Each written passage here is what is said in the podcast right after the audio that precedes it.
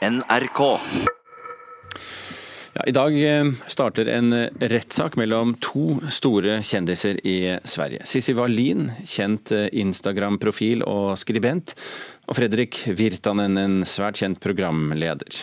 I 2006 anklaget Wallin Virtanen for å ha dopet og voldtatt henne. Saken ble henlagt. Over ti år senere la hun ut et innlegg på Instagram der hun skrev at Virtanen voldtok og dopet henne. Anklagene skapte store overskrifter og mange presseoppslag i Sverige, noe som da igjen førte til at Virtanen ble drapstruet, og han mistet også jobben sin. Nå går han til sak mot Wallin. Og I den anledning så har vi sendt vår reporter Knut Øyvind Hagen til eh, Stockholm. Og Knut Øyvind, god morgen. God morgen. Hva er Wallin tiltalt for? Hun er tiltalt for grov ærekrenkelse for å ha hengt Virtanen ut som en voldtektsmann på sosiale medier. Det gjorde hun første gang i et Instagram-innlegg 16.10.2017. Og Grunnen til at man i tiltalen skriver at det bør dommes grovt, er at eh, det er svært alvorlige anklager. At det har spredd seg stort både i sosiale medier og i tradisjonelle medier. Og at det har påført ham stor skade både i det private og det profesjonelle liv. Virtan gikk jo fra å være en lysende stjerne i Aftonbladet til en personlig ruinert mann uten jobb. Og apropos medier, eh, Knut Øyvind. Hva skriver mediene i dag? De skriver eh, oppsummerende saker om denne føljetongen som har vart i to år. Så skriver de også om at uh, vitner har blitt kalt inn i siste liten. Flere medier har også snakket med Sissi Wallin. I Dagens Nyheter er hun f.eks. sitert på at uh, hvis hun blir dømt, er det ikke fordi hun har løyet, men fordi den svenske staten vil at folk som henne skal holde tyst. Men, så er det jo også sånn at eh, svenske medier har jo ikke en helt edel bagasje å vise til. Jeg hørte nettopp Aftenbladets eh, reporter sa på sin live-report at det er spesielt å være her. De har jo blitt felt til sammen et tjuetalls ganger for eh, dekningen av Virtan-saken. Men hva kommer til å skje i rettssalen i dag, Knut Øyvind? Det er satt av eh, to dager, i dag og førstkommende mandag. I dag så skal man etter innledningen fra aktoratet ha Virtanens eh, forklaring først. Det er ventet at den skal ta ca. en time. Så er det Wallins tur så skal man gå gjennom alle bevisene. Det er jo masse skriftlig informasjon som skal gås igjennom. Hennes innlegg, alle avisartiklene det har ført til. Og så skal man begynne eh, vitneavhør. Så får man se hvor langt man rekker å komme. Valin har jo eh, uttalt seg via Instagram i dag. Hva sier hun? Hun sier jo at eh, hun er inne i sitt eh, livs eh, tøffeste uke, men at hun er klar for kamp. Hun deler jo veldig sjenerøst av sine indre tanker, og hun sier at hun er beredt til å møte en trollfabrikk. At alt hun sier vil bli forsøkt vrengt på for å svekke hennes troverdighet. Men så sier hun med glimt i øyet at det skal mer til for å temme en halvpolsk heks. Ok, Knut Øyvind Hagen, du følger med denne rettssaken for oss. Eh, vi skifter tema til noe langt hyggeligere, må vi kunne si. fordi at i dag så deles Brageprisene ut for årets beste bøker i Oslo. Mange av dem har du lest, Anne Katrine Straume. God morgen. Hei.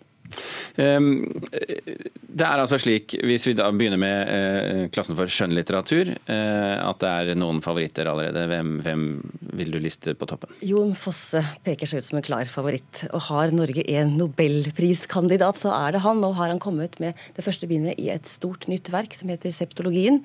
Og der er han gjenkjennelig. Han har denne sirklingen sin i språket. Små gjentagelser hvor det hele tiden skjer noen små nyanser.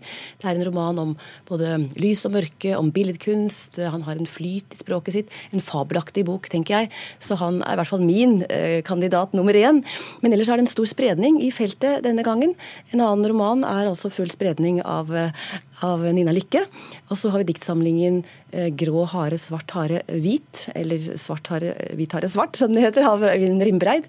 Og så har vi Mari Andreassen, som faktisk er en debutant, med novellesamlingen Hvor lenge varer vi? Ja, så Opp mot Jon Fosse. Det er kan hende ja, Hun er kanskje optimist, eh, selvfølgelig. Og det bør man kanskje være i en, en, slags konkurranse som dette. Det er ikke så vanlig å bli nominert som debutant? Nei, det er uvanlig. Og jeg tror jeg så litt etter at eh, det aldri har skjedd at en debutant har gått helt til topps i klassen for skjønnlitteratur for voksne. Mm.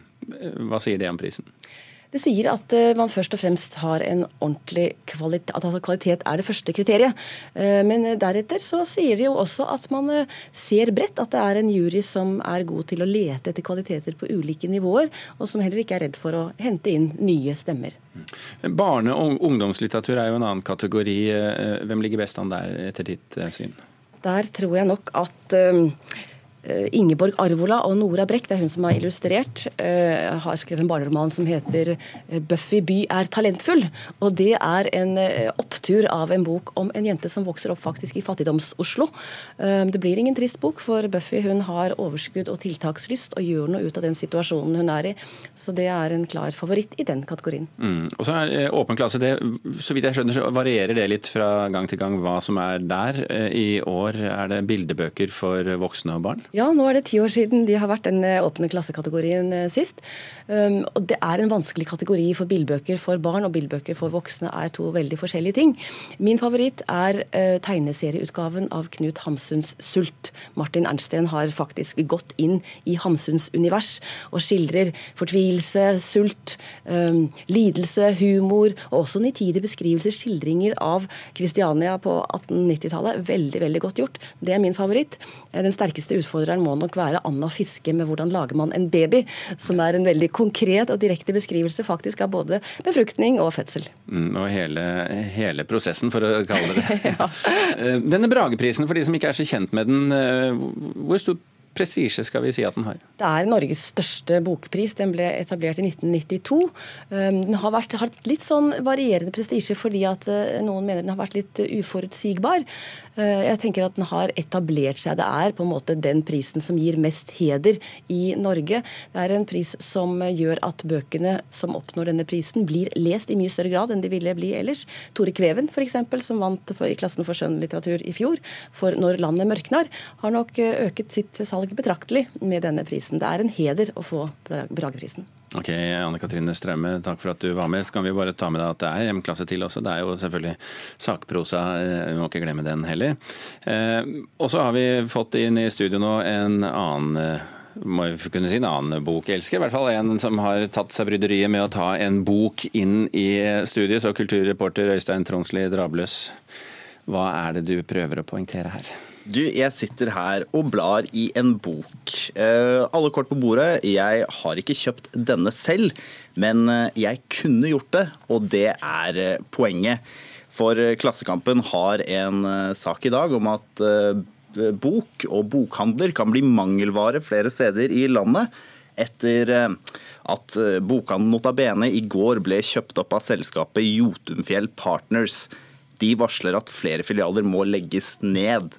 Og Ifølge Klassekampen så vil det medføre at 16 norske byer og tettsteder blir uten bokhandel. Hvilke byer og tettsteder snakker vi om? Eh, det mest ekstreme tilfellet blir i Kirkenes i Finnmark. Der kan man bli nødt til å kjøre to og en halv time i bil til Vadsø for å finne nærmeste bokhandel.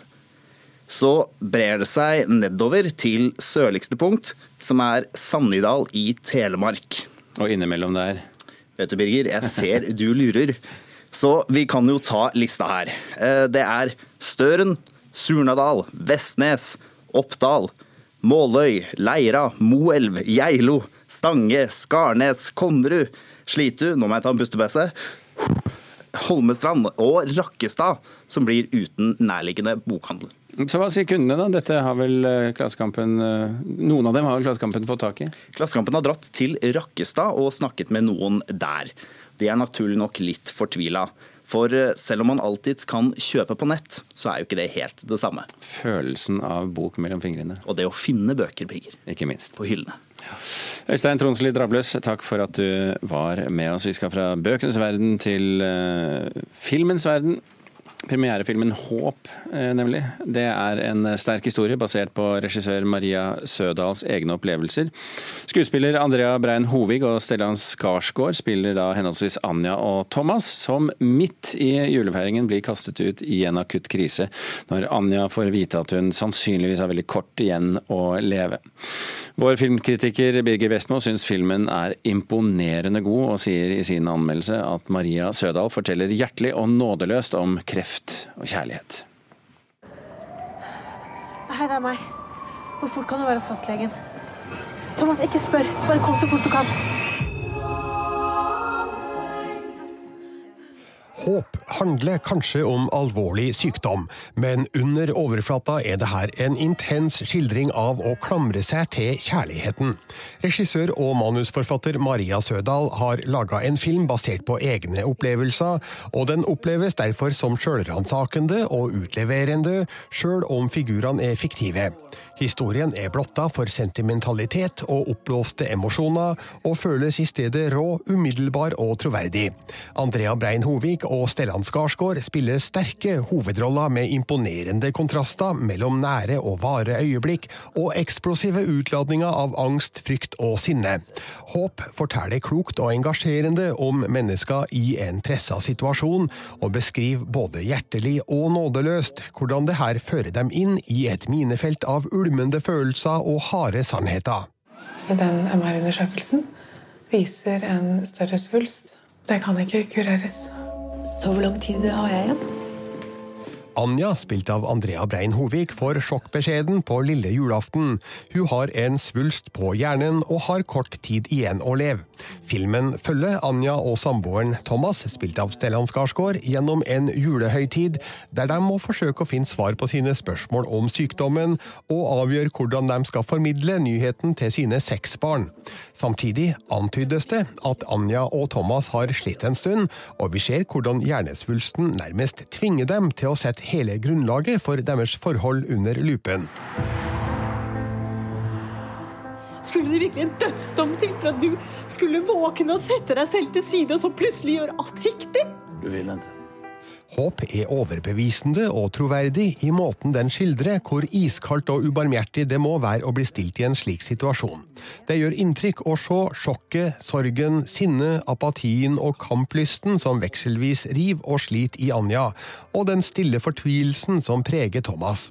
Andrea Brein Hovik gjør sin kanskje sterkeste rolle, der hun aldri tyr til enkle løsninger for å formidle figurens kompleksitet. Stellan Skarsgård formidler med små, effektive nyanser Thomas sin motløshet, rådvillhet og dype smerte av det som skjer med kvinnen han elsker. Begge spiller rått, usminka og usentimentalt. Maria Sødal har skrevet og regissert en imponerende god film, med et praktfullt og poetisk avslutningsbilde, som sier mye om håpet og kraften som ligger i kjærligheten.